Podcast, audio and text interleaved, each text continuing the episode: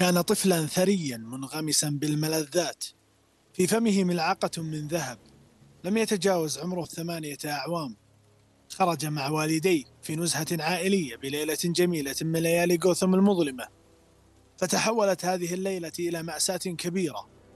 غيرت مجرى الحياة. ليس على صعيده الشخصي فحسب بل حتى على المدينة والعالم أجمع.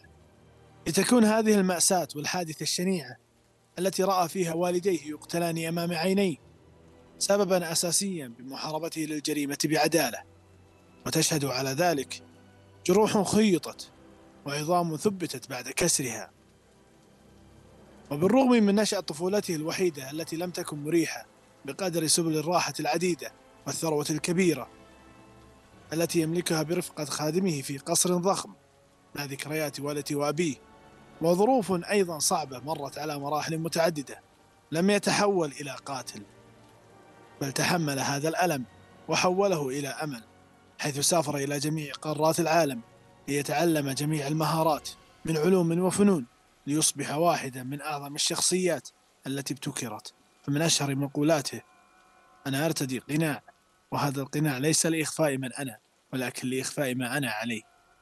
هو شخصية ليست كأي شخصية. وهو فارس الظلام. باتمان.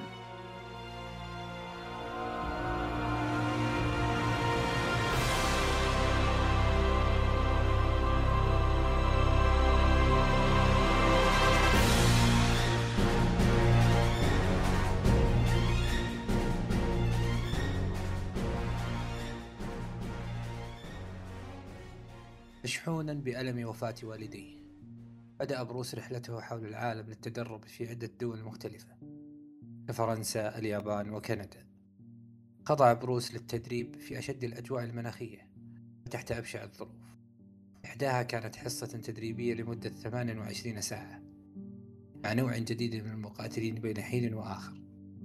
لم تكن الأساليب القتالية والبناء العضلي هدف بروس الأساسي خلف هذه الرحلة الطويلة بل كان التحكم بالجسد والذهن هو المبتغى الأول.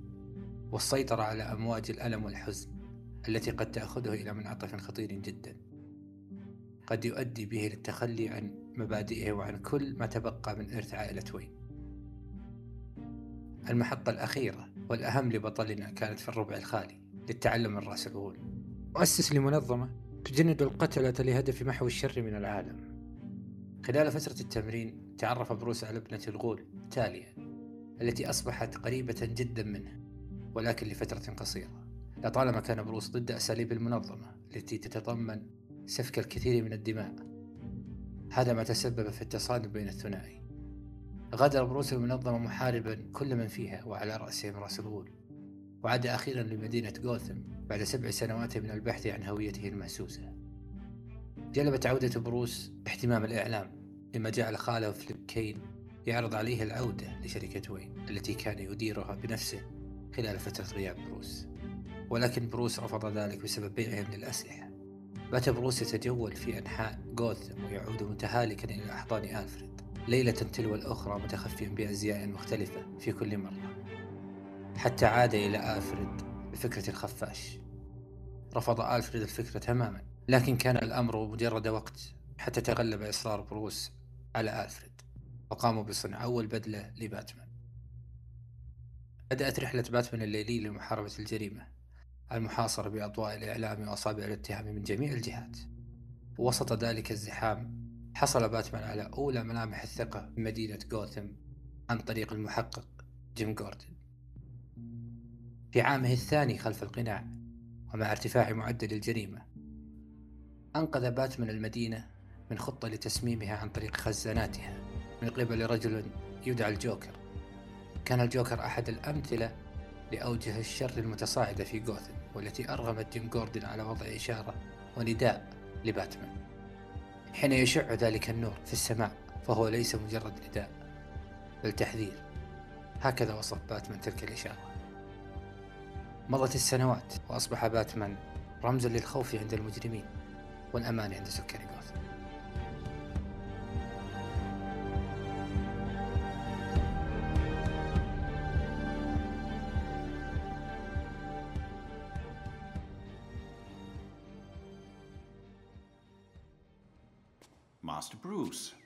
Is there coffee?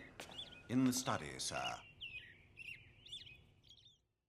يبدأ بروس وين يومه بتقديم ألفريد وجبة الإفطار الخاصة به. ومن ثم يتخفى بقناع الرجل الثري المغرور الذي ورث ممتلكات عائلته. مباشرا مهامه الأخرى التي تخدم مدينة غوثم بكافة المجالات وأبرزها الدور السياسي. من خلال دعمه للرجل المناسب في الانتخابات لقيادة المدينة كونه الشخص الأكثر تأثيرا بها. بالإضافة إلى حبه لجذب الأضواء وإثارة الجدل لدى الصحافة حول حياته الشخصية.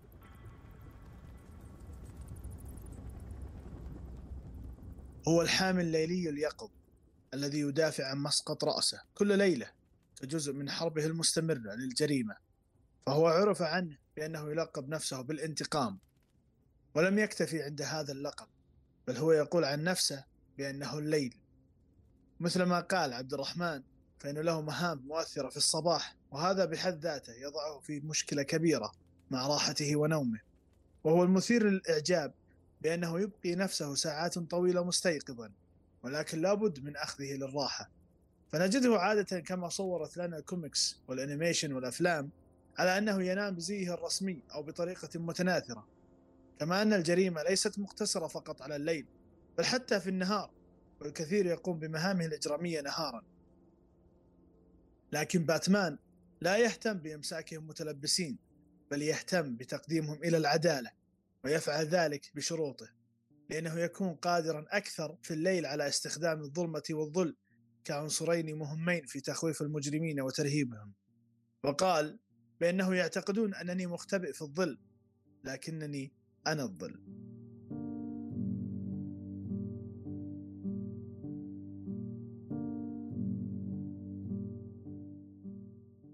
فترة الثلاثينات من العمر كانت الأحداث كثيرة في حياة بروس وين كفارس الظلام.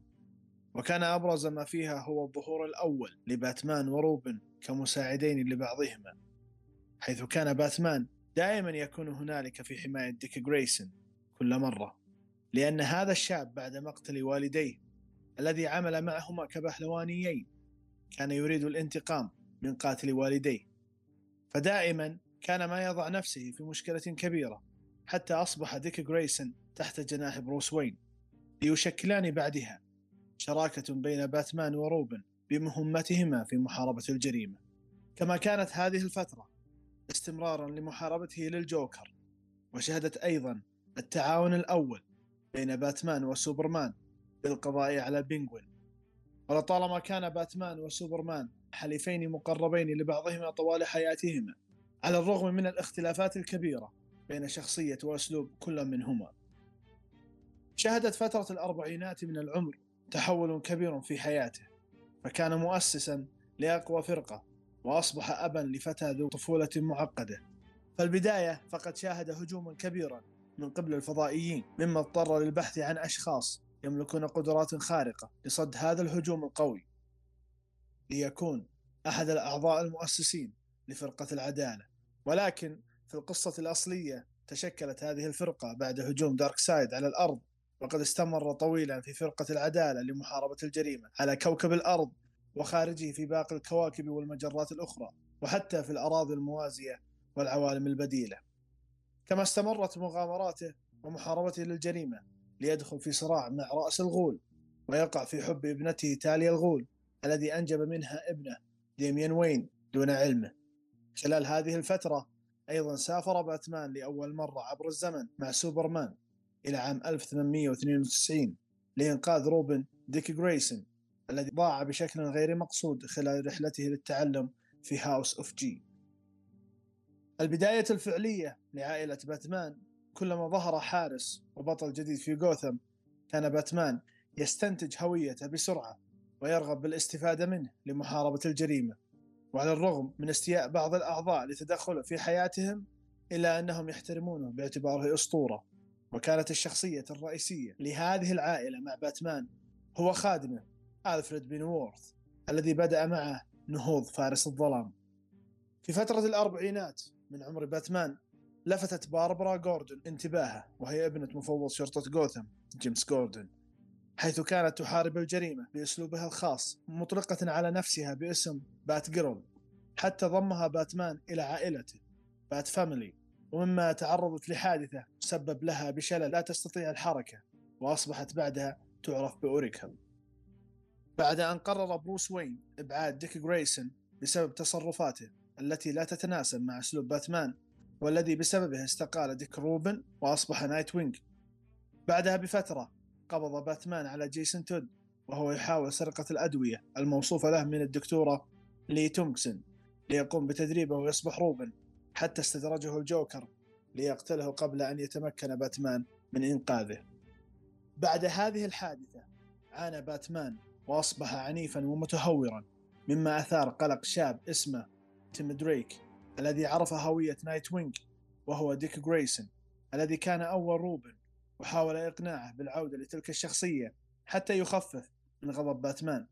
ولكن رفض ديك ذلك ليرتدي تيم بدلة روبن وحارب فيس مع نايت وينج والذي شاهده باتمان ووافق على تدريبه حتى أصبح روبن الثالث قبل أن يصبح ريد روبن ويقود تين تايتنز.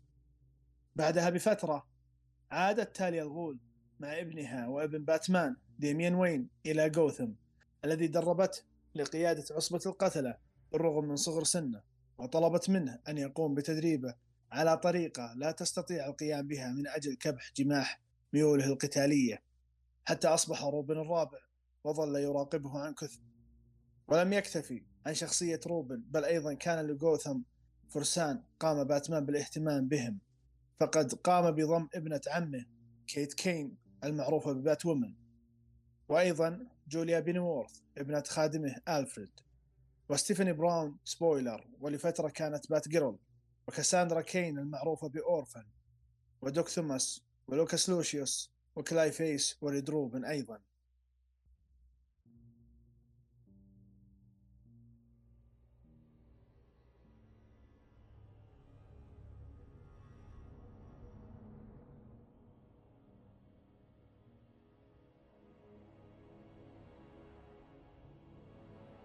أصبح باتمان رمزا في عالم الترفيه وعلامة تجارية كبرى ومطمعا للشركات في مجال التسويق.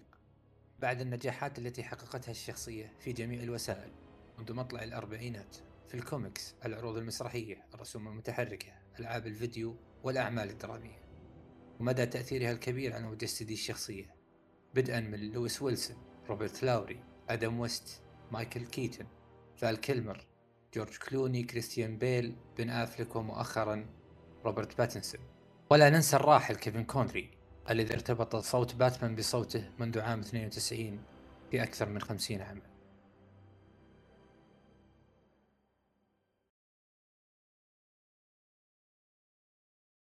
عن التأثير الاجتماعي أهمية باتمان في المجتمع الأمريكي يكمن في تمثيل آمال وحلم الأمريكيين المعروف باسم الحلم الأمريكي. الذي انطلق من ثلاثينيات القرن الماضي لتحقيق حياة أفضل وأكثر إثراء وسعادة.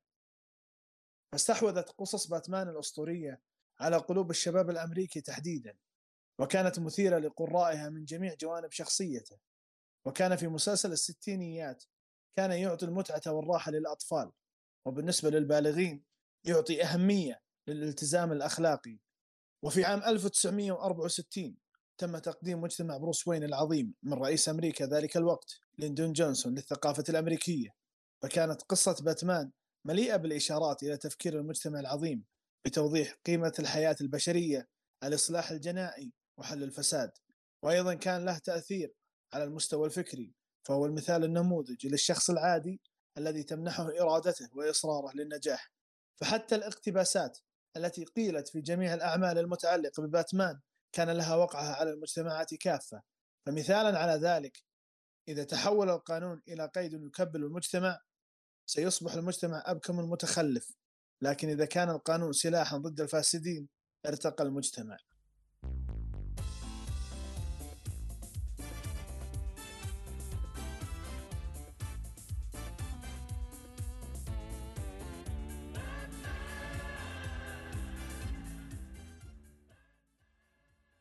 لم يقتصر هذا التأثير على المجتمع الأمريكي بل حتى على العالم ومن ضمنها مجتمعنا العربي تحديدا مع المسلسل الكرتوني التي قدمت قناة سبيستون فمن ضوء لمع وسط المدينة ظهر لنا ضوء الأمل في مدينة مظلمة. لنرى في سمائها إشارة كانت تبعث لنا الطمأنينة. فتلك إشارة باتمان وهي الدلالة على قدوم الحارس الذي لا يهادن الشر. لنعرف تفاصيله أكثر مثل معرفة كهفه فمنه انطلق مثل بارق مر ونتخيل بأننا في شوارع غوثم لأنه عبر الطريق نحو الحقيقة فلا مكان للسر. وتعلقنا ببطلنا الذي يملك روح أمينة تكتشف اليقين. لنبحر بعدها في مشاهدة أفلامه من ثلاثية فارس الظلام حتى الظهور مع سوبرمان وفرقة العدالة ووصولا إلى باتمان على مات ريفز. ونشبع فضولنا لنعود بالزمن للوراء ثلاثة عقود ونشاهد ثنائية باتمان مايكل كيتن.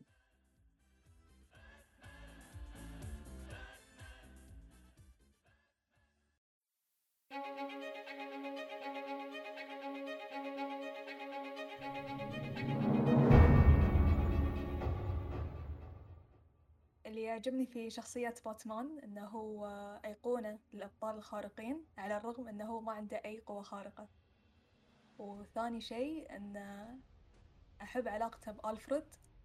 ما يعامله كخادم له يعامله كصديق يقدر إنه يثق فيه ويساعده. الجوانب الحلوة في شخصية باتمان كثيرة جدا يعني لا- لا تعد ولا تحصى للامانه وكل فئة من المجتمع ممكن يعجبها شيء معين يا طريقة لبس يا أسلوب قتال يا الشخصية نفسها.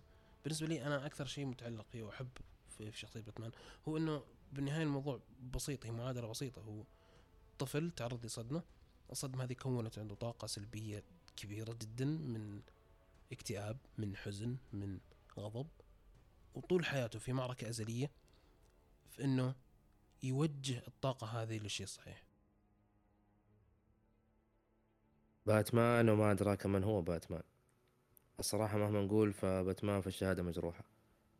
لكن بلخصها في شيئين رئيسين وهم اللون الأسود. اللون الأسود كان دائما يرمز للشر والسوداوية لكن باتمان رمز للون الأسود بالعدالة. والشيء الثاني هو أنه ما عنده قدرة خاصة وأنا كطفل كنت دائما أتخيل نفسي إني ممكن أكون باتمان. مو مثل سوبرمان وفلاش عندهم قدرات خاصة تفوق الطبيعة.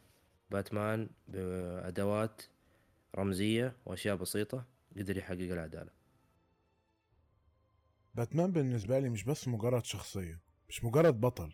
ولا برضو أفضل محقق في العالم. بالنسبة لي هي الشخصية اللي يعتمد عليها في كل الأزمنة وكل الأوقات. لأنه لو تيجي تشوف شخصيات من عالم مارفل وعالم دي سي هتحس إن كل شخصية ليها limitations ليها حدود. إلا باتمان. الشخصية دي تقدر تحارب أي نوع من الجريمة في أي وقت وبأي طريقة طالما هتحقق العدالة.